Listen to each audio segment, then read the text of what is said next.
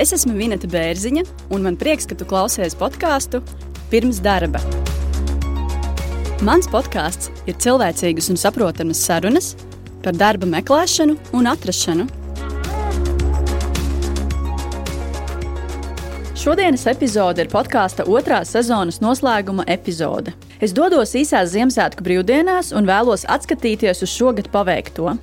Tāpēc uzaicināju pie sevis ciemos podkāstu pašas pirmās epizodes varoni Kristapu. Parunāsim par šo trako 2020. gadu. Beidzām mēs viņus tiešām uz draudzīgas nots, jo vienkārši tīri no biznesa viedokļa arī Igaunijas vadība saprata to, ka viņa nevar arī finansiāli atļauties, kad es šeit esmu Latvijā. Un, uh, gaidīt to momentu, kad vienkārši tiks noslēgta darījuma. Kad es sāku strādāt februārī, mēs uzņēmumā bijām vairāk kā 30 cilvēki. Šajā brīdī situācija ir tāda, ka ir palikusi viena pati. Bet pirms sarunas ar Kristapu pie manis ciemosies citi podkāstā jau dzirdēti viesi.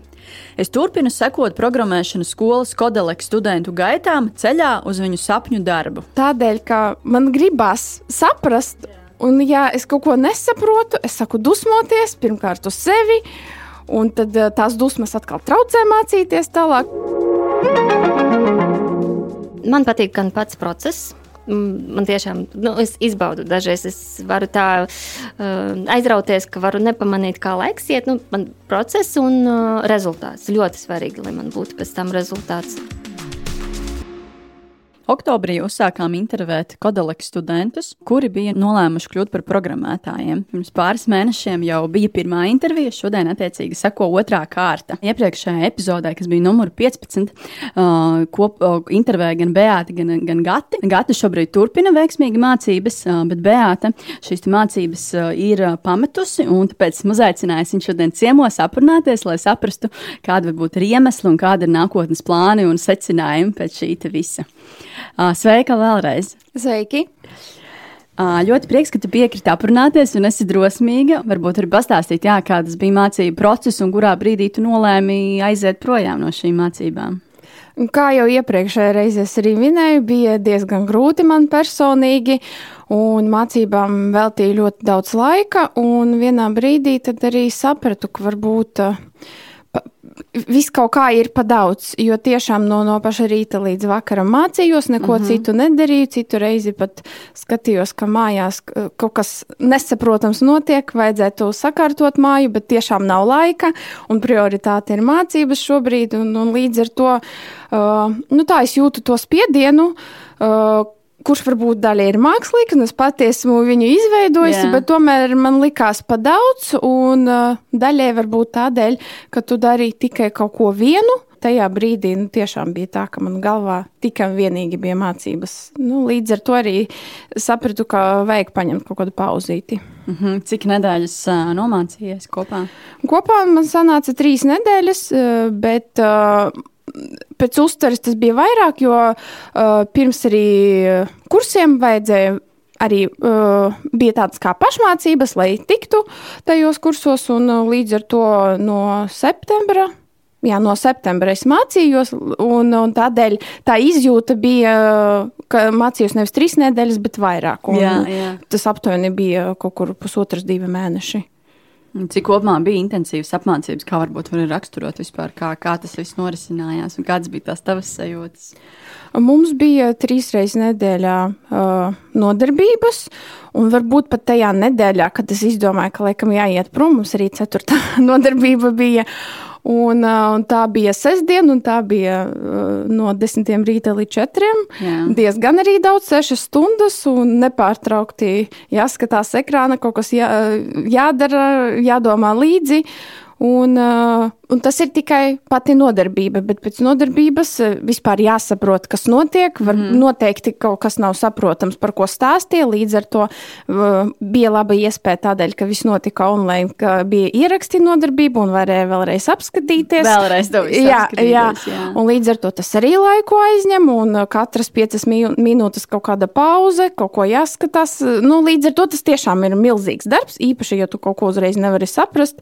Un, papildus vēl ir māja mājas darbi, un kamēr tu netiksi galā ar to, kas notika nodarbībā, tu arī ar mājas darbu netiksi. Līdz ar to nu, tas bija tāda virkne ar daudziem, daudziem darbiem, un Jā. uh, tad liekas, ka re, kur es šeit tūlīt vienu lietiņu sapratīšu, būs nākamā, būs vieglāk, bet palika tikai grūtāk, grūtāk. Cilvēki ir dažādi, un es esmu tāds cilvēks, kurš visu, visu uztver ļoti to sirdī, mm -hmm. un, un uh, tādēļ man likās, ka nu, nebūs labi. Galu galā varbūt es varēšu, varbūt man nepatiks līdz galam nu, tā Jā. intensitāte, bet es varēšu, es iztikšu, es tikšu līdz mācību galam, bet vai es gribu būt tāda? kaut kāda visu laiku uztraukta mm -hmm. un, un pabeigt mācības ar tādu uztraukumu un bez, bez kaut kādas uh, panākumu sajūtas, diez vai es gribu tādu būt. Kā ar mājas darbiem veicās? Tur minēja, ka arī pēc attiecīgi bija daudz, daudz šeit mājas darbi. Kā tev ar viņiem veicās?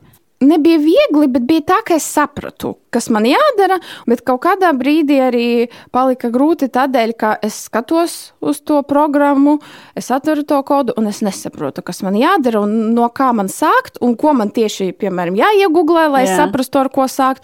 Un tad, nu, tiešām ir tā, ka tu nesaproti, vai tu tāds pastulbs esi un viss ir slikti, vai, vai tādēļ, ka man gribās saprast. Jā. Un, ja es kaut ko nesaprotu, es saku dusmoties pirmkārt uz sevi.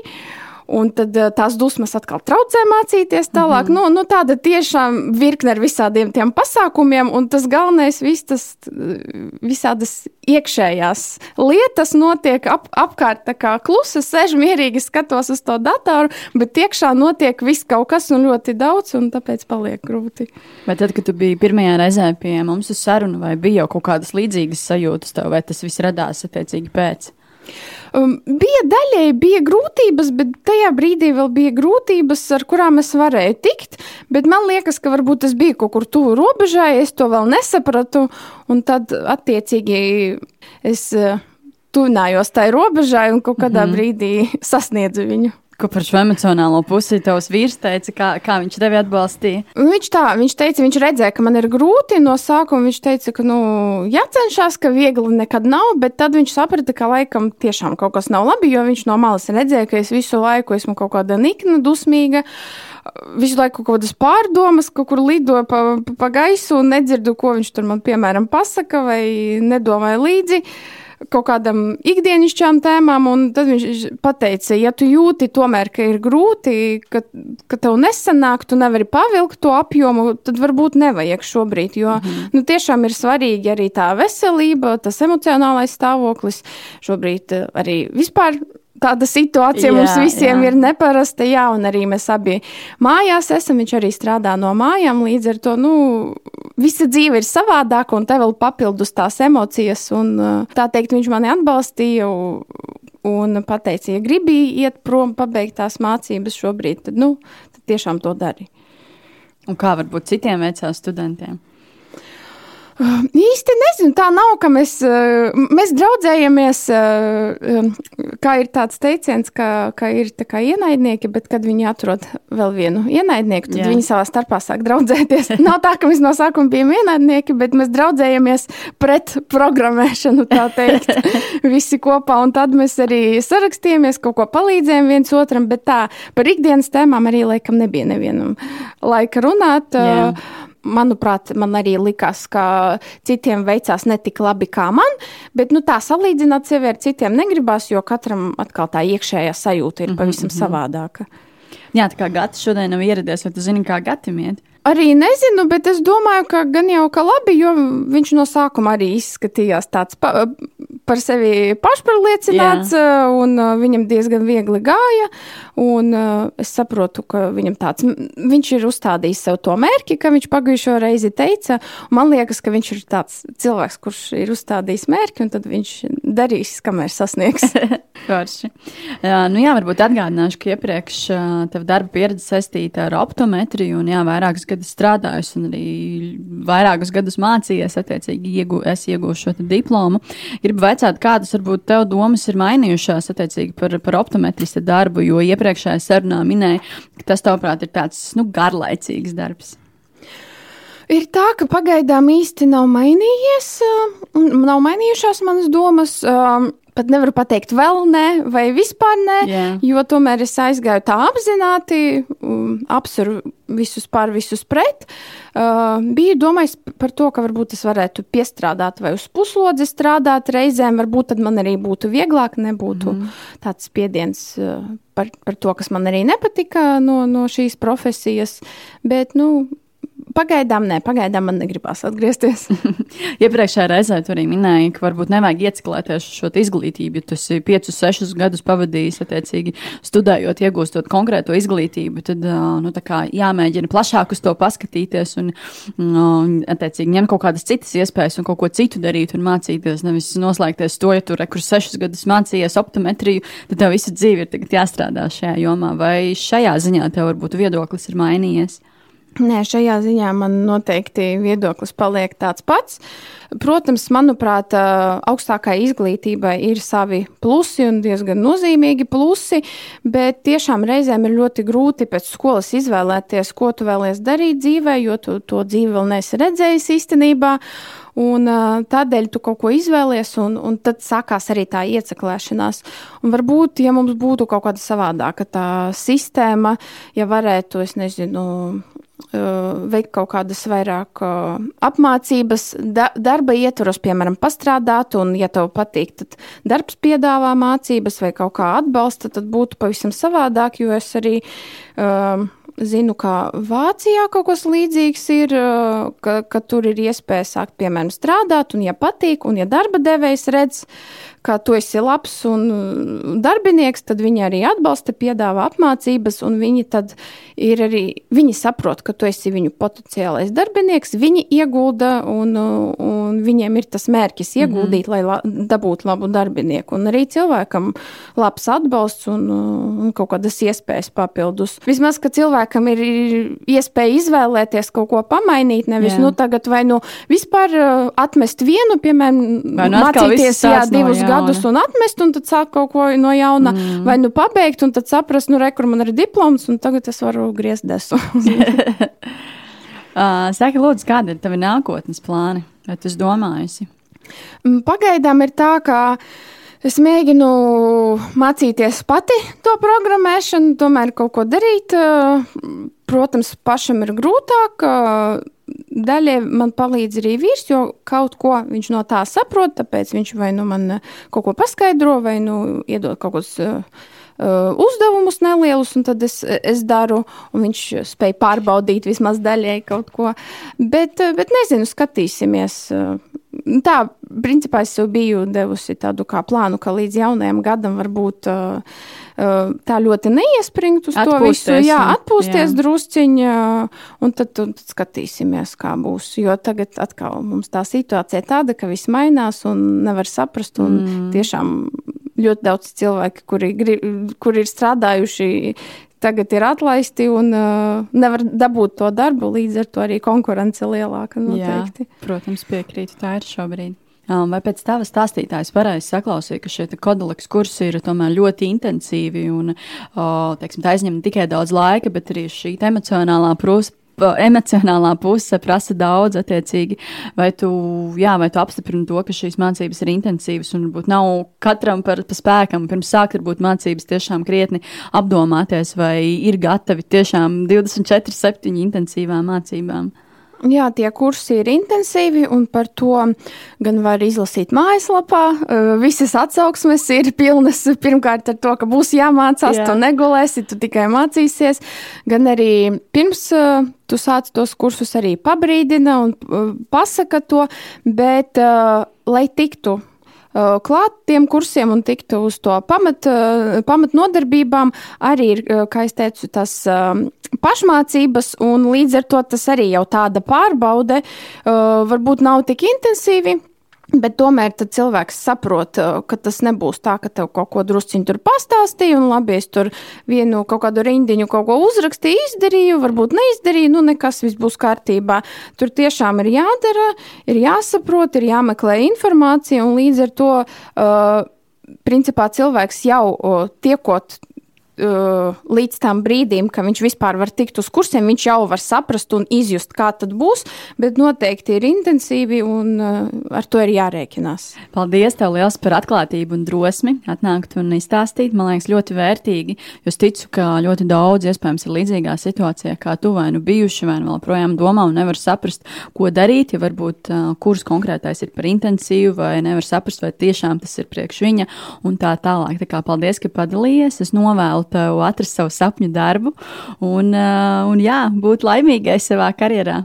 Paldies, arī! Paldies! Veiksmīgi! Paldies! Turpinām sarunas ar Kodaleka studentiem.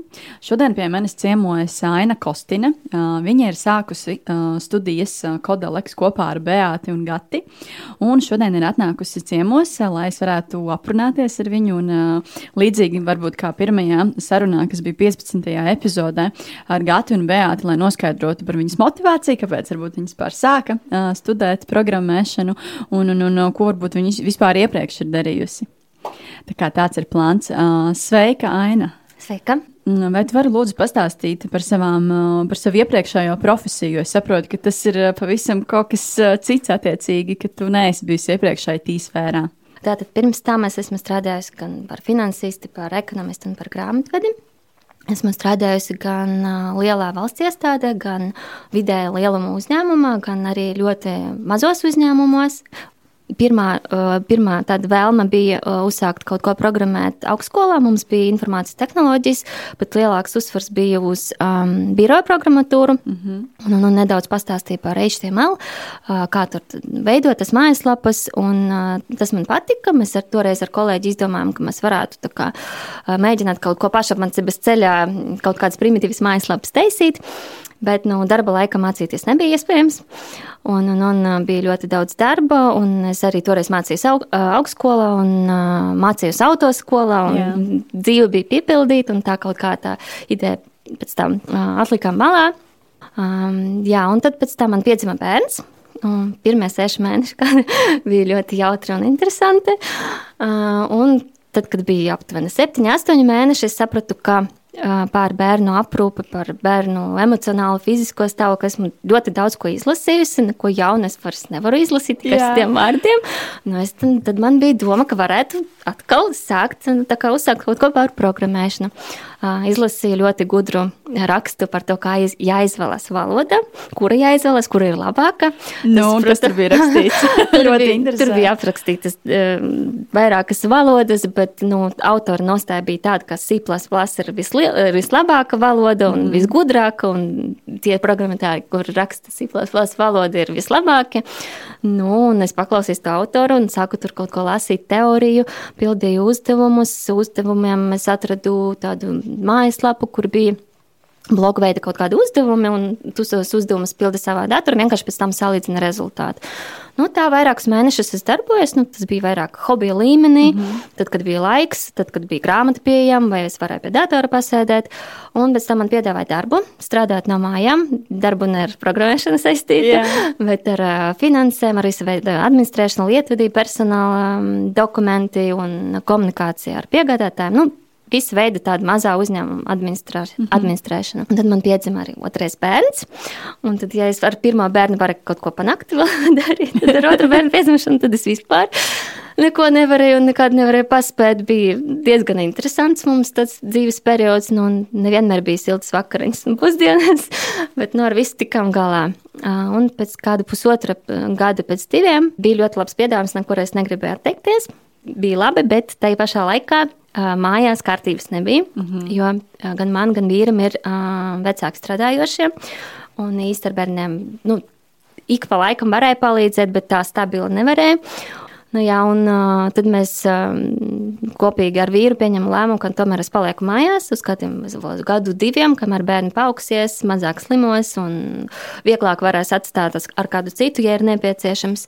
Nu, un tad es aizgāju no darba un atkal pirmā doma uzsākt programmēšanu. jā. jā, un toreiz es atkal sāku lasīt um, fórumos un meklēt informāciju. Un, uh, viens saka, ka ir jāiet mācīties universitāte, cits saka, ka mm, var pašapmācības Jā. ceļā. Jā, un tad es atradu viens ieteikums, man ļoti patika. Es sāku lasīt grām, grāmatu Programming for Dummies. Ir tāda sērija vispār mm -hmm. par dummies. Jā, ir dzirdēts. Jā. Jā, bet nu, tad, kad palasīju kaut kādu jau gabalu, sāku saprast, ka nē, ka tas nav īsti tas, ko es uh, sagaidīju, ko es gribētu. Uh, tad izvēlējos, ka es tomēr mācīšos Java valodu, uh, nopirku grāmatu. Mm -hmm. Lasīju to grāmatu, sapratu, ka nu, uh, trūkst kaut kādas sistemātiskas pieejas, un es īsti nezinu, papildus grāmatai skatos vienu video, otru video, tur lasu, tur lasu, un um, nebiju pārliecināta par to, ka es virzos nu, pareizajā kā, ceļā, ka Jā. es visu pareizi, ka varbūt um, pie kaut kāda jautājuma var, vajadzētu vairāk piekavēties, kaut kādu jautājumu varbūt nevajadzētu tik dziļi izskatīt un detalizēti. Nu, un tad es sāku skatīties uz uh, kursiem. 19. gadā es arī atradu informāciju par Kodoleks. Es arī aizsūtīju pieteikumu, anketu aizpildīju. Uh, bet man nekādas atbildes neatnāca. Nu, es domāju, nu, labi, nu, ja nepaņem, tad nepaņem. Nu, ko lai dara? Jā, Cit- jā. Meklēšu kaut kādu citu variantu. Uh, Primāri meklēju kaut kādus online kursus, lai varētu to visu apvienot ar, ar, ar, ar ģimeni. Un neko īsti labu neatradu.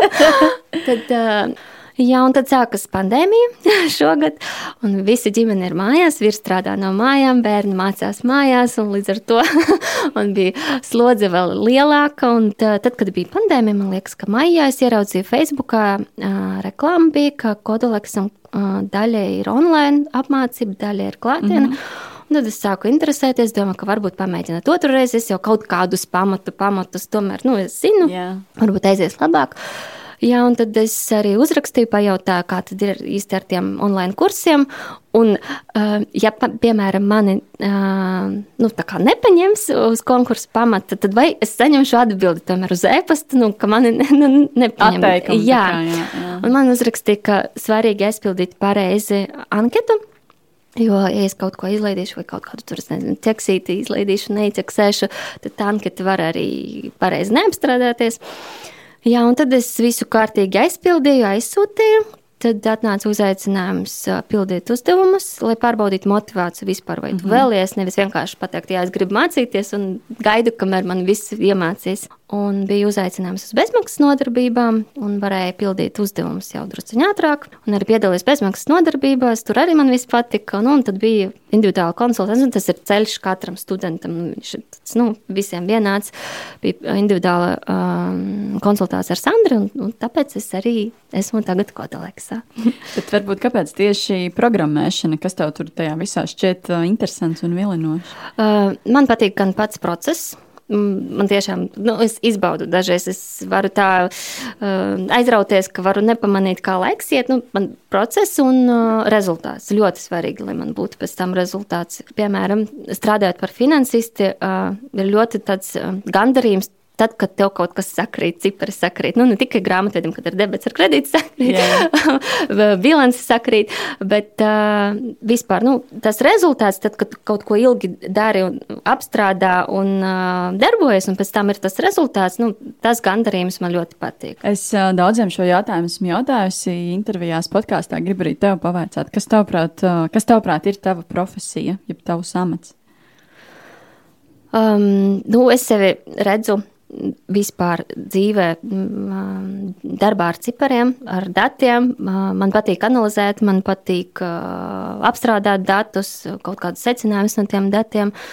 Un ir svarīgi, lai tam procesam un rezultātam būtu kaut kāda jēga. Nevis vienkārši nu, uh, statistik, statistikas pēc apstrādāt un pateikt, ka nu, tas tāds un tāds fakts, bet nu, lai būtu arī jēga kaut kādam tam rezultātam. Kādu programmēšanas valodu šobrīd mācies, vai vairākas? JavaScript, TypeScript un tas, kas vairāk saistīts ar frontendu un HTML un CSS. Cik mēneši jau ir pagājuši mācībās? Mēs sākam mācīties. Pirmā nodarbība mums bija 20. oktobra, nu, nepilni divi mēneši. Lieliski. Nu, jā, varbūt paraksturo tās mācības, to darba, nevis darba, bet nu, to mācības, mācību ikdienu. Kā ir, cikos tu celies, kāda ir tā tava rutīna, cikos tu celies, cikos sākas mācības, nu, ko tu pa dienu vēl dari, kādi, cik ilgi mājas darbā aizņem laiku, nu, tādas praktiskas lietas, kā vispār tava diena paiet, teiksim tā.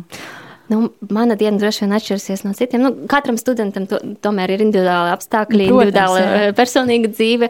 Un eh, noteikti es neesmu vidējs tas students, kas varētu mācīties kodolēksā, bet nu, es telos sešos katru rītu. Uh, tad man ir kaut kāds laiks, uh, lai visus. Uh, Lai visiem visu sagatavotu skolai, bērnu dārzam un uh, brokastis pagatavotu un visus aizsūtītu tur, kur viņiem ir Jā. jāiet, aizvestu. Jā, un tad es atkal atpakaļ skrienu uz mājām. Bērnam saku, ka es braucu uz darbu, savādāk negribu iet uz skolu. Jā, uh, un um, tad es ātri man galvenais nos, noteikums sev, ka es atnāku un uzreiz sēdos pie datora. Cikos tas ir? Nu, tas ir ap astoņiem. Mm -hmm. uh, tad es uzreiz neko nelasot, ne ziņas, vien, vienīgais tēvs uzteicis, un tad uzreiz, jo savādāk, nu, pēc tam ir mm, grūtāk iebraukt. Mm -hmm. nu, tad lielākoties man tā diena paiet mācībās. Uh, vienīgais, ko es daru, es negatavoju, godīgi tā, tā teikšu. Šobrīd, nu, manas divas prioritātes ir mācības un ģimene. Un ģimenē, nu, to, ko es, nu, es nevaru pilnīgi sevi izsvitrot no viņas dzīves, arī negribētu to darīt. Un, un, un, Tur, kur es esmu primāri vajadzīga, un tur, kur es, nu, man kaut kas labāk sanāk, tad es piedalos, un visu pārējo dara vīrs, un tad viss pārējais laiks man paliek mācībām. Nu, par izklaides vispār. es vispār pat neiedomājos. Tas šobrīd arī nav iespēja īstenībā. Jā, nu, es nedomāju par izklaidi ārā. Jā, šobrīd mums ir tādi uh, apstākļi. Es domāju, ka vienkārši mājās kaut kādu filmu noskatīties vai vēl kaut ko, nu, tas šobrīd ir vienkārši neiespējams. Nu, tad vienkārši tu neizpildīsi visus tos mājas darbus, kur ir jāizpild. Mm. Līdz ar to, bet es par to īpaši nepārdzīvoju. Tas, nu, mans mērķis ir iemācīties, nevis vienkārši apmeklēt uh, nodarbības un pateikt pēc tam, ka jā, es esmu kaut ko iemācījies. Es, nu, galvenais tas mērķis ir dabūt zināšanas. Un, um, ja tu nedari maksimāli daudz, tad tu arī nesaņemsi nu, tas zināšanas maksimālā apjomā, kādā tu protams. vari. Un Cik stundas dienā tu mācies? Es nevaru pateikt, nu, vidēji. No astoņas noteikti, jā. Nu, uh, ir arī atkarīgs no tā, piemēram, ir nodarbība, tas ir trīs stundas. Un tad uh, 8 stundas, tad, nu, droši vien nesanāk tajā dienā, jo tad 11 stundas, nu, tas noteikti nav reāli. Nu, es domāju, ka, ja bez nodarbības, tad 8 stundas, ja ar nodarbību, tad varbūt nu, kāds 6, 5 stundas. Un cik ilgi, kad tas viss beigsies, kad, kad diploms gaidāms? Es nedomāju, ka mums dos diplomu. Tas bija vairāk kā joks. jā, un svarīgākais diploms ir būs mūsu darbs, laikam. Jā, protams, jā. jā uh, nu, vispār saka, ka trīs līdz sešiem mēnešiem tas būs jau atkarīgs no tā, kad tu to darbu dabūsi, un Jā. kamēr tu to darbu nedabūsi, tev tāpat būs jāturpina Nu, mācīties. protams, jā. un būs jāturpina mācīties, tad, kad tu esi arī, nu, tad, kad jau tu strādāsi, nu, tas ir tāds um, infinity. Bezgalīgs process, Jā, jā. ka būs jāmācās. Vienkārši tas ir jāsaprot. Bet kāds ir tavs mērķis? Tie ir 3, 6 mēneši vai vairāk. Cik, cik mēnešos tu gribi atrast darbu? Nu, es nevarētu pateikt šobrīd, ka es neko pilnīgi nezinu. Es zinu daudz, daudz vairāk nekā zināju mēnesi, divus atpakaļ, bet es vēl šobrīd nejūtos tik droši, lai varētu pateikt, ka es varētu jau sākt strādāt. Es zinu, ka es ļoti daudzas lietas vēl nezinu, vēl neesmu papa. Papraktizējusi tik labi, lai pateiktu, ka es to zinu labi. Um, Līdz ar to es pagaidām nevaru mm, paredzēt. Es arī pat par to pagaidām nedomāju. Vienkārši šobrīd visas, ir- visas domas ir Jā, eh, jā. kā novirzītas mācībām. Bet es domāju par nozari vai par uzņēmumu, teiksim, tā tev ir šis te finanšu iepriekšējā pieredze, vai tu domāji, varbūt uz finanšu pusi virzīties, uz banku pusi? Jā, es labprāt apvienotu arī iepriekšējās zināšanas un iepriekšējo pieredzi, izmantotu. Un, un, un es labprāt strādātu lielā uzņēmumā, jo man ir ko salīdzināt. Un, bet pagaidām konkrētu nozare es neesmu skatījusies. Nu, grūti pateikt. Mm -hmm. Un arī, ja, piemēram, mēnesi atpakaļ es kaut ko skatījos tur CV, uh, nevis CV, bet uh, darba sludinājumu portālos skatījos um, kaut kādus uh, piedāvājumus un skatījos dēļ tā, lai noskaidrotu, kādas ir tās prasības. Nu, Kas ir jāzina, piemēram, uz kaut kādu amatu, tad šobrīd es vispār neskatos. Man šobrīd ir mērķis, iegūt Mācīties, zināšanas, jā, un, jā, un pēc tam arī skatīties. Par atalgojumu, vai tu domājusi, attiecīgi, ko tu, cik tu vēlies pelnīt, vai tu pētījusi, kāda varbūt ir tie vidē, vidēji atalgojumi, sākot jaunākajiem programmētājiem darbu? Kā, kāda varbūt uz to ir sapņu un cerības? Nu, jaunākajiem speciālistiem, speciālistiem programmētājiem varētu būt uh, tāds pats līmenis kā finansistiem, pat varētu būt drusciņ zemāk. Un, un, un šobrīd mums ir nosacījums, ka mēs maksājam par uh, mācībām, ja mēs dabūjam uh, darbu ar atalgojumu. Um, tas ir neto atalgojumu, nu, kas mēs faktiski saņemam. Jā, uz rokas. Uh, vismaz tūkstoti. Nu, uz tādu es vismaz var, gribētu cerēt, ņemot vērā to, ka es uh, nebūšu pieredzējuši pro, programmētājs, bet uh, junior. jā, jā. jā un, bet Es domāju, ka zemāku par to, ko es varētu saņemt par finansista darbu šobrīd, es nu, domāju, ka es nesaņemtu. Jā, izklausās ļoti labi, vai Jā. ne? Nu, labi, lieliski. Lielas paldies, ka padalījies. Mm, es labprāt, Aina, tevi uzaicinātu vēl pēc diviem mēnešiem aprunāties, lai saprastu, varbūt, kā tev mācībās ir gājis. Varbūt, iespējams, jau būsi varbūt, izpētījusi darba sludinājumus, un kas to lai zina, varbūt jau, jau, jau strādās pēc diviem mēnešiem. Mēs neko nevaram zināt. Tāpēc, jā, labprāt, uzzinātu, kā tev iet attiecīgi un kādi nākotnes plāni. Ko tu saki par šādu ideju? Jā, es piekrītu, labprāt piedalītos vēlreiz pastāstīt. Paldies tev par, par, par, par um, par iniciatīvu. Un tad noteikti tiekamies. Jā, paldies arī jums. Atā. Atā. Šī podkāstu epizode ir pusē. Uzpildām kafijas krūzi un turpinām sarunas. Šodien pie manis podkāstā ir zīmīgs viesis, Kristaps Eihmanis. Zīmīgs ar to, ka viņš bija pirmais viesis podkāstā, pirmajā epizodē, kura tika ierakstīta aprīlī. Un tur runājām par daudzām tēmām, par to, kā viņam ir gājis darba meklēšanos un citām. Un tad šodien jāgrib aprunāties par, par to, kā uh, Kristapam ir gājis pa šo laiku, jo diezgan daudz mēnešu ir paskrējuši ļoti ātri. Gribu atskatīties varbūt uz šo gadu un saprast arī, kādi Kristapam ir nākotnes plāni. Tā kā sveiks, Kristap! Nu, vakar, zin, kā vakarā esmu ieradies pie tevis. Toreiz atceros, tas bija jā, nu, rīts. aprīlis, pavasaris, jā, rīts, jā. jā. lašmaizīts brokastīs. Un, un, un tiešām fantastiski savā ziņā apzināties, kad atkal satiekamies.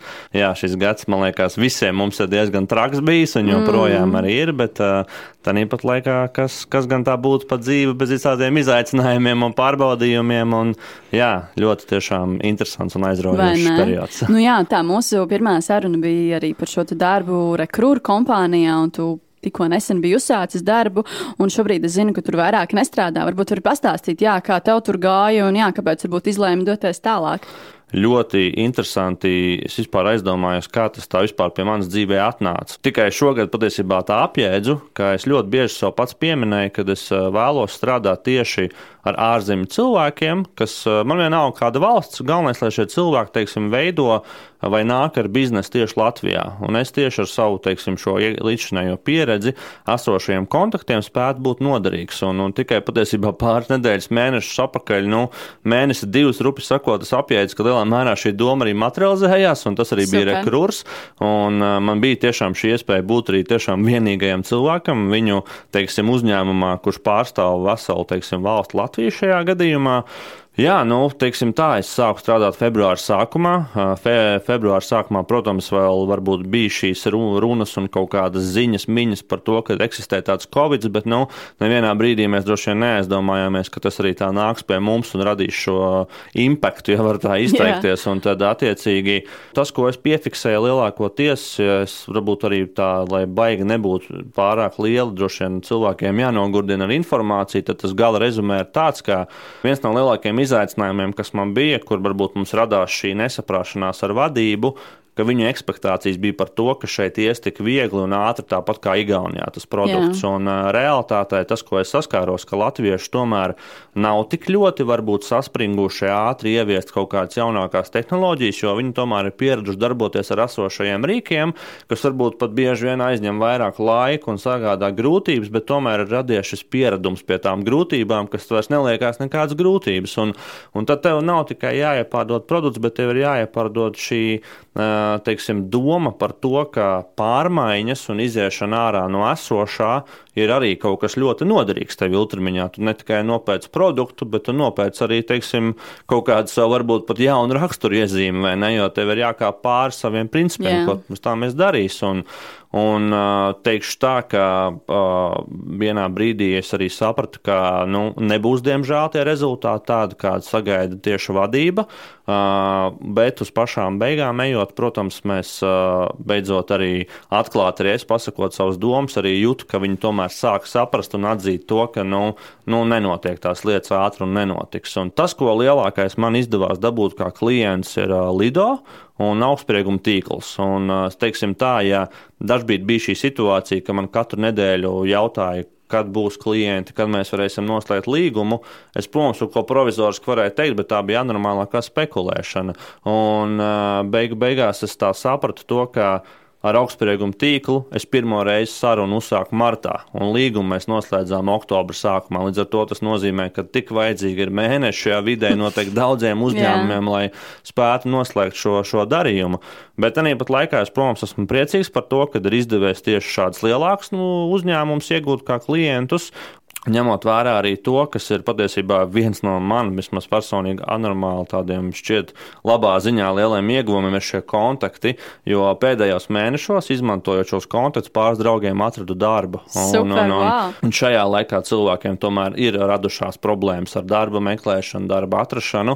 Es sapratu, ka man taču ir tik fantastisks resurss, kas var būt kā palīgs šiem cilvēkiem. Un, jo tomēr es arī šajā Covid laikā katru dienu runājot ar HR cilvēkiem uzzināja to, ka, nu, ja vienu brīdi daudziem likās, ka viss ir slikti LV un nu, nekas labs nav, tad teiksim, HR cilvēkiem, man liekas, tieši šis laiks bija ar to, ka nāca iekšā ļoti daudz kandidātu un ļoti daudzi un tādi, kas īsti varbūt pat nu, nu, nekvalificējās tai jā, savai, jā. teiksim, nu, izvēlētajai vakancei, jo es arī biju dzirdējis, teiksim, no Lido puses, ka ir arī tādi bijuši momenti, kā reāli uz uh, pavāra vai, teiksim, restorānā, nu, kas ir tieši apkalpojošā personāla nozar, nu, nodaļā, uh, piesakās cilvēki juris, jurisprudences augstāko izglītību. Wow. Tas, protams, arī nu, parāda to parāda situāciju. To situāciju tirgu, jā. Jā, jā. Un, attiecīgi, tad es ņemot vērā, ka kaut kāds cilvēks zināja, ka man ir šeit HR kontakti, un ik pa laikam kaut ko man prasīja, kas notiek, vai ir kādas opcijas. Man pāris dienas atpakaļ arī aizsūtīja viens meitenes CV. Vienmēr es piebilstu, ka es ne, nesolu, ka kaut kas būs vai ne, bet vismaz tas ir kaut kāds tas cerības stariņš, jo jā, jā. tā beigās ir tāda win-win situation abām pusēm. Tā iemesla dēļ, ka viņiem ir kandidāts caur ieteikumu, tas jau kaut kādu tomēr nu, to ledu salauž. Un tādā pat laikā tam manam kandidātam arī ir vismaz kaut kāds jau tas, nu, nezinu, tā saucamā atsauksme par viņu. Un, un, un, jā, un tad divos gadījumos bija tā, ka es aizsūtīju šo CV, un tad man tie divi draugi neteica pilnībā neko, tad pagāja kaut kāds mēnesis, un tad ar Kristapla brīdi es šorīt parakstīju līgumu. Super. Aiziesim vakariņās, vai ne? Super. Un, jā, un tā ir tāda ļoti fantastiska sajūta, un to es saprotu, ka priekš sevis tas arī nākotnē ir ļoti liels mm. ieguvums. Un, un, un, Par kontaktu. es ļoti gribu tev par kontaktu dibināšanu tieši pajautāt, jo sastajā epizodē mēs tieši runājām par, par šo tēmu. Tu minēji, ka tas ir gan, gan tāds gan hobijs, gan arī savu veidu arī biznesa. Kā varbūt tev šobrīd ir šo kontaktu dibināšanu, vai viss tā kā turpinās vēl joprojām? Ka, jā, oktobra sākumā es beidzu attiecības ar Rekruru. Beidzām mēs viņus tiešām uz draudzīgas nots, jo vienkārši tīri no biznesa viedokļa arī Igaunijas vadība saprata to, ka viņa nevar arī finansiāli atļauties, kad es šeit esmu Latvijā. Un, uh, gaidīt to momentu, kad vienkārši tiks noslēgta darījuma. Kad es sāku strādāt februārī, mēs uzņēmumā bijām vairāk kā 30 cilvēki. Šajā brīdī situācija ir tāda, ka ir palikusi viena pati, šī Marita, wow, kas ir tiešām? uzņēmuma īpašniece, idejas autore, un visi pārējie cilvēki, kas nodrošina IT jautājumus, nezinu, grafisko dizainu vai mārketingu vai citus, teiksim, pakalpojumus, kas ir vajadzīgi fundamentāli, lai virzītu šo produktu, tiek ņemti reāli ārpakalpojumā vai nu uz stundām vai uz gabalu darbu. Mm -hmm. Un kontaktiem runājot, tad teiksim, tā lieta ir tāda, ka beidzoties ar krūram, paralēli pirms tam Vasaras beigās es saņēmu no sava iepriekšējā teiksim, darba kolēģa piedāvājumu strādāt Daugavas stadionā, kurā es strādāju šajā mirklī. Un, ņemot vērā to, ka bija labas teiksim, šīs attiecības darbā, gan tāpat laikā es arī parādīju sevi labi un šo uzticamību uz sevi. Attiecīgi es saņēmu darba piedāvājumu. Yeah. Līdz ar to no 1. septembra es sāku jaunas darba gaitas, un tad mm -hmm. es no sākuma strādāju puslodzē, apvienojot to ar krūru. Jo patiesībā sākot strādāt ar krūrā sākumā, es kaut kā iekšēji jūtu ar aizmugurējo smadzenes, ka tas nebūs tāds ļoti ilgais variants. Tas ir, tas ir tāds, nu, varbūt tā intuīcija, kas izstrādājās vienkārši laika gaitā strādājot. Un, Daugavas stadionā, jā, es esmu, man ir teiksim, tāds interesants amata nosaukums, esmu apgājums iesaistīts un aktivizēšanas eksperts. Wow, uh, ņemot... aktivizē? es aktivizēju, teiksim, galvenokārt šo visu apgājums iesaisti. Un, protams, tas viens ir tas, kā tas amats ir nosaukts uz papīra, bet uh, realitātē ņemot vērā to, ka uh, pateicoties Eiropas reģionālā attīstības fondam, mums šajā brīdī notiek attīstība ļoti liela. Uh, stadionā tiek, uh, teiksim, būvēta ledus halle, uh, būs mūsu multifunkcionāla sporta manēža. Attiecīgi tiek eh, kopā vispār eh, septiņi infrastruktūras objekti, kas kopumā tiek attīstīti. Un, es teiksim, šī apkaimes iesaist un aktivizēšana viens no šiem mērķiem ir eh, vispār projektam revitalizēt, tas tāds interesants vārds, ko mēs izmantojam, revitalizēt vispār visu apkaimi, kas ir apkārt. Viens no maniem uzdevumiem ir tieši uh, veidot pasākumus, aktivitātes, kas ļauj, pieņemsim, apkaimiem iesaistīties un būt šeit, mm -hmm. doties pie mums, uh, sportot, ar ģimenēm nākt. Uh, tas arī dod kaut kādu iespēju cilvēkiem būt vairāk šajā apkaimē un apritē. Uh, Nu, lūk, tas arī ietilpst, protams, sociālo tīklu menedžments, privātu investoru piesaiste, Jā. tā ir dalība komisijās, tas ir, protams, arī doma, kā veicināt teiksim, šo visu atpazīstamību. Un tāpat laikā arī ejot tam visam cauri vēl uz priekšu, tas ir tāds, tas, ko varbūt es pat vēlos, kas ir tāds interesants, ko mēs šajā brīdī tiešām arī saskaros. Topot ledushallē, mums ir arī šī ideja par to, ka mēs vēlētos ledushalli pārdot ar tādu domu, ka kāds var nopirkt liels uzņēmums vai zīmols nosaukumu, kā pieņemsim, ir Mogo ledushalli, Volvo ledushalli. Ja? Nu, tad šajā gadījumā, kur pa tiem kontaktiem mēs tagad nokļūstam, ir tas, ka es redzu, kā es varu izmantot esošos kontaktus, kas, piemēram, man ir tieši tiešām pasaules līmeņa zīmolos, un mm -hmm. ka mhm. tas ir principā viens zvana attālumā, to vairs nav jāmeklē, kam zvanīt, ar ko runāt par Jā. šo jautājumu. Nu, un attiecīgi pievēršos pie Daugavas stadiona, ņemot vērā tā, ka šī ir ka valsts kapitāla sabiedrība, šeit tomēr arī savu lomu, un, protams, arī spēlē nu, ministrijas politiskais aspekts, un attiecīgi šeit tīri dabiski darba laikā, savā darba, teiksim, uzdevuma izpildīšanas momentā ir jāiepazīstās ar cilvēkiem, kas ir saistīti gan ar šo, teiksim, politisko jā, pusi, gan ministriju pārstāvā, valsts amatpersonas, un arī, kas ir ļoti forši, kad ir iespēja iepazīties tieši ar sporta pārstāvjiem pārstāvjiem, ar dažādām federācijām. Es atzīšos, ka es varbūt tagad ļoti nefokusējos, kā pirms tam viņus speciāli veidot un darīt, bet šis ir tas moments, kur es saprotu, ka es esmu vidē, kur tie kontakti nāk paši tīri nu, darba rezultātā. Jā, jā. Un, attiecīgi, tad es no tā izrietot arī lieku lietā esošos resursus. Jā, jo ik pa laikam bija tā sajūta, ka nekad nav gana, trūkst ar viens vai divi pieci kontakti, jā. un, un, un nekad nav nebūs labi. Un tad es beigās sapratu, stop, Kristap, lieto to, kas tev ir tagad, un pārējais jau arī dabiski nāks. Un, nu, tā, tā, tā, tā, attiecīgi tāds arī ir ar tiem kontaktiem. Izklausās, ka tev šobrīd ir ļoti aktīvs darbs, bet es tev gribu arī pavaicāt par, par vēl vienu tādu lietu, par ko mēs iepriekš runājām, Facebook lapa Fātera dzīve. Jā. Kas tur šobrīd notiek? Vai tur kaut kas uh, kustās uz priekšu, vai ir kaut kas jauns ar to? Um, es tieši patiesībā vakar sazvanījos ar vienu savu veco skolas biedru. Tad nebijām runājuši un jautāju, kā iet, kas jauns. Un, un, un viņš man saka, bet vecīt, nu, un es pilnīgi jūtu, ka viņš savā ziņā es tāds ļoti piezemēts par to runāju. Viņš man saka, bet vecīt, tu saproti, ka tu esi radījis, teiksim, tā, tā kā, nu, to iespaidu uz, uz ļoti lielu teiksim, nu, daudzumu. Ja? Cilvēki lieto tos tavus atslēgu vārdus, ko tu izmantoji jokos. Ja? Nu, žubīti, pieņemsim, ir jā, viens no jā. piemēriem. Un, un, un šādi momenti, šādas sarunas liek kā, mazliet varbūt, nu, to piezemētību atmest un saprast, jā, ka kaut kas tiešām ir izdarīts. Un, un ja mēs runājam par tām, nezinu, muguras vai aizmugurējām smadzenēm, tad man ik pa laikam ir bijusi doma to lapu pārdot vai kaut kādā citā veidā viņu, teiksim, no viņas atvadīties, bet kaut kas iekšā neļauj. Jo neļauj, vienmēr ir tā sajūta iekšā, kā arī man vakars. Uh, Puisis pateica, ka, nu, ka viņš savā ziņā tic, ka jau ir iespēja uztaisīt arī revitalizāciju, teiksim, otro dubli, vai ne? Jā. Tikai ir jāsaprot, kas būs tas otrais dublis. Un, šajā brīdī ir fokus uz Daugavas stadionu, un es saprotu, kādas zināšanas es varu iegūt tur, un tad es, tad es kaut kā cenšos varbūt sev nemētāt pa visurienu, mm -hmm. jo, jo mhm. reizēm ar to sanācis apdedzināties. Jā, iepriekšējās sarunās mēs arī runājām par, par to, ka tu esi piedalījies vairākos tā tādos projekta tipa darbos, un arī pat arī tu savā CV ielicis tādu atsevišķu mm. sadaļu projekta tipa darbi.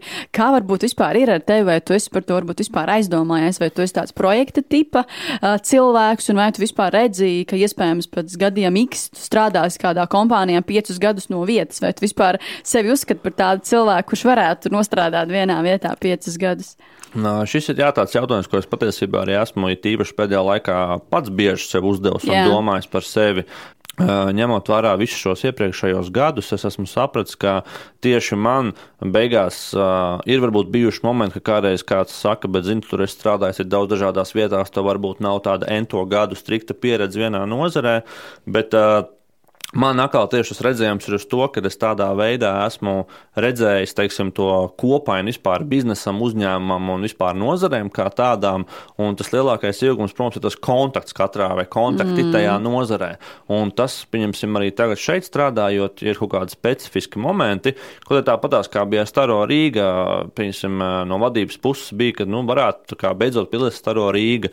Un man vienkārši tīri pēkšņi galvā atšāvās atpakaļ atmiņa, kad es taču pazīstu vienu puisi, ar kuru strādāju 16 gadu vecumā kopā.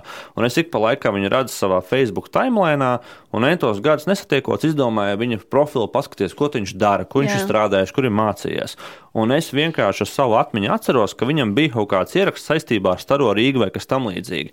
Es viņam momentāli piezvanīju, un no šī zvana es dabūju pašas galvenās dāmas telefonu numuru un pāris dienas vēlāk, jo viņa bija pie mums oficiālā. Wow. Līdz ar to tas ir moments, kuri, un šie momenti ir tie, kuros es redzu, Uh, ja man ir bijuši kādi, nezinu, to pašu tēvu domu dalīšanās vai kādiem citiem cilvēkiem, ja par šo saucamo mētāšanos no vietām nozarēm, tad šie tieši ir tie mani brīži, kad es novērtēju, ka man ir bijusi šī mētāšanās, ja, jo viņa šajā mirklī iedeva pilnīgi citu, teiksim, rezultātu tam visam mm -hmm. tālāk. Un, un, un, Es patiesībā tam uzdevu šo jautājumu, un es godīgi tā aizrunājoties par rekrūru, vispār aizmirsu pieminēt to, ka patiesībā savā ziņā vasara tieši bija pagrieziena punkts no tā, ka pie manis sāka vērsties cilvēki tieši IT nozarē, kuriem ir savi uzņēmumi, ka viņi zina, ka man ir kontakti. Mm -hmm. Kā viņi par tevi uzzināja pirmkārt? Um, kontakti? Tas uh, patiesībā viens no tādiem stāstiem bija tas, es, ja nemaldos, es biju stāstījis vienā no podkāstiem, kad es uh, iepazinos ar šo vīrieti Facebookā, kurš bija filmējies uh, filmā War Dogs, kara suņi, kurš mm -hmm. tirgo ieročus arī īstenībā. Un es šo stāstu pastāstīju vienai savai labai draudzenei, kur tu izstāstīji savam vīram, un vīram tā ir mīļākā filma. Un, un teiksim, tā, viņš uzreiz bija tādā fanā par to un ļoti iedegās. Viņš teica, es gribu to Kristapu satikt, vai ne? Un tieši redz, šis atkal bija tas moments, kur šis mans stāsts, šis mans nodibinātais kontakts aizveda mani pie cilvēka, kuram ir IT sfēras uzņēmums, kurš meklē klientus. Un tas, principā, bija moments, kurā es arī saņēmu jau privātu piedāvājumu par konkrētu summu X atrast klientus, arī uh, skaitu X. Un tad es, teiksim, paralēli tam visam sāku ļoti aktīvi dibināt kontaktus tieši video spēļu nozarē. Nu, nodibināju kontaktu ar vienu tādu Andreju, kuram ir uzņēmums, kura taisa šajā brīdī mobilo telefonu spēles, ir taisījuši arī VR spēles un arī video spēles. Un es šo Andreju nekad neesmu saticis, bet mums ir bijušas vairākas telefona sarunas, kurās viņš ļoti iedvesmojās no maniem stāstiem par kontaktiem. Un tas notika tā, ka viņš pastāstīja par mani vienam vīrietim, kuram ir kiberdrošības uzņēmums. Principā viņš ir tāds saucamais labais hackers. Yeah. Un, un šis teiksim, labais hackers saka, es gribu to Kristapu satikt. Un, un, jā, un tad ar viņu ir tā, ka mēs gandrīz katru nedēļu sazinamies, mēs komunicējam.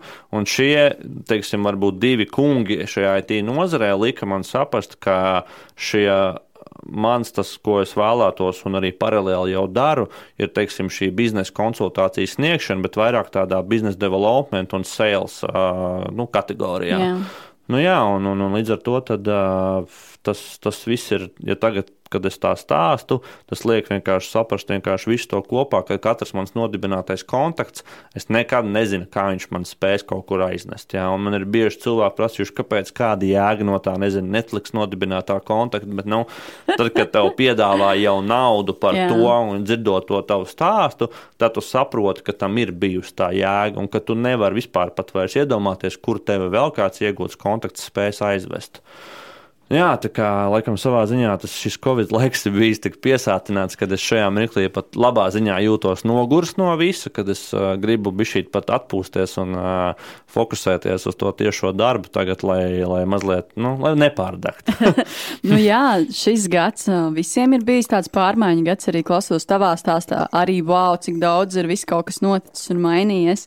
Arī man šis gads ir bijis ļoti liels pārmaiņu gads un kopumā man liekas, ka tu esi tā tāds simbols šī, šī gada simbols Kristus kājām un meklēt nestandarta idejas un, un izdzīvot tomēr visā šajā situācijā. Jā, tas tādā ziņā es arī atzīšos, tagad arī paralēli tev runājot, kā, nu, tas varbūt vienkārši man pašam ir tāda personīgā iezīme, ka es zinu, kā patīk sevi salīdzināt, kā ir bijis, kā nav. Jā. Es, es jūtu, ka, paņemsim, ja salīdzinām ar pirmo reizi, kad es biju, bija, protams, pilnīgi cits, ko stāstīt, un, un šis tas moments, ko es bieži saskaros dzīvē, ka tu ej, tu dari, tev liekas, ka tu bez mazliet neko nedari, tev nekas dzīvē nenotiek, bet tad, tad es pieņemsim atnāku pie tevis un es saprotu, ka ir nu, kosmiski daudz, kas patiesībā noticis pa šo laiku. Un es ļoti arī esmu, nu, pat nezinu, kam, bet pateicīgs kaut kam augstākam, ka šis laiks man tieši ir ļāvis būt darba vidē, saņemt katru mēnesi atalgojumu. Un, Un, un, un tas noteikti arī atkal zina, ka daudziem ir bijis arī sliktāk. Tāpēc es vienkārši arī tajā momentā sapratu, ka man ir tie HR kontakti, ka, nu, ja ir šāda situācija, citiem cilvēkiem ir kaut kā nu, jāpalīdz vienam otram, un, un, un sharing is caring. Jā. Tā kā jā, tas, laikam, ir tāds mans šī gada izteikts rezumē, ka, nu, ir jā, jā, jāatlās vienam ar otru. Kā, jā. nu, super, paldies, ka atnāci. Paldies, ka padalījies vēlreiz ar saviem stāstiem, kas ir tik aizraujoši. Ko tu saki, ja mēs nākamgad atkal kaut kad tiktos? Pilnīgi noteikti, jo, jo es arī tiešām ļoti novērtēju šo uzaicinājumu. Tas ir patiesībā arī interesanti, ka viņš ir tā kā uz tādām gada beigām, jo šī saruna, kas varbūt nav tur stundām gara, tomēr arī kaut ko lika aizdomāties, un bieži vien esmu pieķēries arī, ka runājot ar citiem cilvēkiem, tās atbildes pašas kaut kā atnāk, ja tie ir momenti. Jā, jā. Es esmu patiesībā pateicīgs par šo tikšanos, jo viņi iedeva kaut kādas atbildes pašam priekš sevis, un es ceru, ka arī klausītājiem tas ir iedevis kaut kādu šo motivāciju un domu, jo, starp citu, man tieši nesen uzrakstīja viena dāma, kur bija man dzirdējusi tavā podkāstā, un kur teica, ka viņa vēlās, lai es atsūtu savu CV paraugu, kā wow. es esmu uztaisījis. Tie pat nav vienīgie gadījumi. Man tieši pēc pirmā podkāsta vairāk cilvēku uzrakstīja Facebook, man zvanīja. Wow. Un, eh, un tas bija tas, ko es tāpat savā ziņā biju domājis, ka tas tā kā varētu būt. Zināt, nu, to, ka man tomēr tas draugu, tā, teiksim, tas cilvēku lokus Facebookā ir liels vai nē. Nu, bet tā pat laikā es domāju, nu, kāda iespēja. Jā, un tad jā, tā kā arī tavs. Uh, podkāsts ir radījis diezgan lielu impaktu ne tikai man, bet arī citiem cilvēkiem. Lieliski. Un, lai, lai tā viss arī izdodas, un nākamgad lielāko prieku nākšu ciemos. Nu, labi, lai tev viss izdodas nākamgad. Paldies, paldies. Paldies, tiekamies. Jā, tā. viss labi. Jūs noklausījāties 2020. gada pēdējo podkāstu epizodi. Es dodos īsās Ziemassvētku brīvdienās, būšu atpakaļ 1. janvāra otrdienā ar jaunu epizodi. Arī nākamgad podkāstā cilvēcīgi un saprotami runāsim par darba meklēšanu un atrašanu, tomēr būs dažas izmaiņas. Vispirms mēs veidosim podkāstu draudzīgāku klausītājiem. Katrā epizodē būs pa vienai intervijai, un epizodes kļūs īsākas. Papildus jau ierastajām otrdienu epizodēm mēs taisīsim podkāstu brīvdienu epizodes. Tur dzirdēsiet garākas intervijas, kurām būtu grūtāk atrast laiku, lai noklausītos darba dienas saspringtajā ritmā. Tāpat plānojam reizi mēnesī rīkot podkāstu tiešraides Facebook, kurās kopā ar mani uz klausītāju jautājumiem atbildēs kāds personāla vadības profesionālis. Vārdu sakot, nākamgad podkāsts mainīsies, bet tas nekļūs mazāks.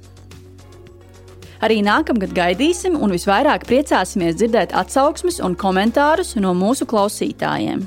Gribu iedrošināt visus, kuri grib uzdot jautājumu vai ierosināt sarunu tēmu podkāstam, rakstiet man sociālajos tīklos, LinkedIn, Facebook un Instagram. Tāpat ar vislielāko prieku uzaicināšu savus klausītājus viesoties podkāstā, atnākt uz studiju un pastāstīt savu darba meklēšanas vai atrašanās stāstu.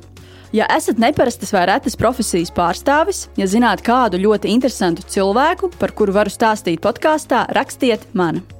Uz tikšanos nākamgad, vēlu priecīgus Ziemassvētkus un laimīgu jauno gadu!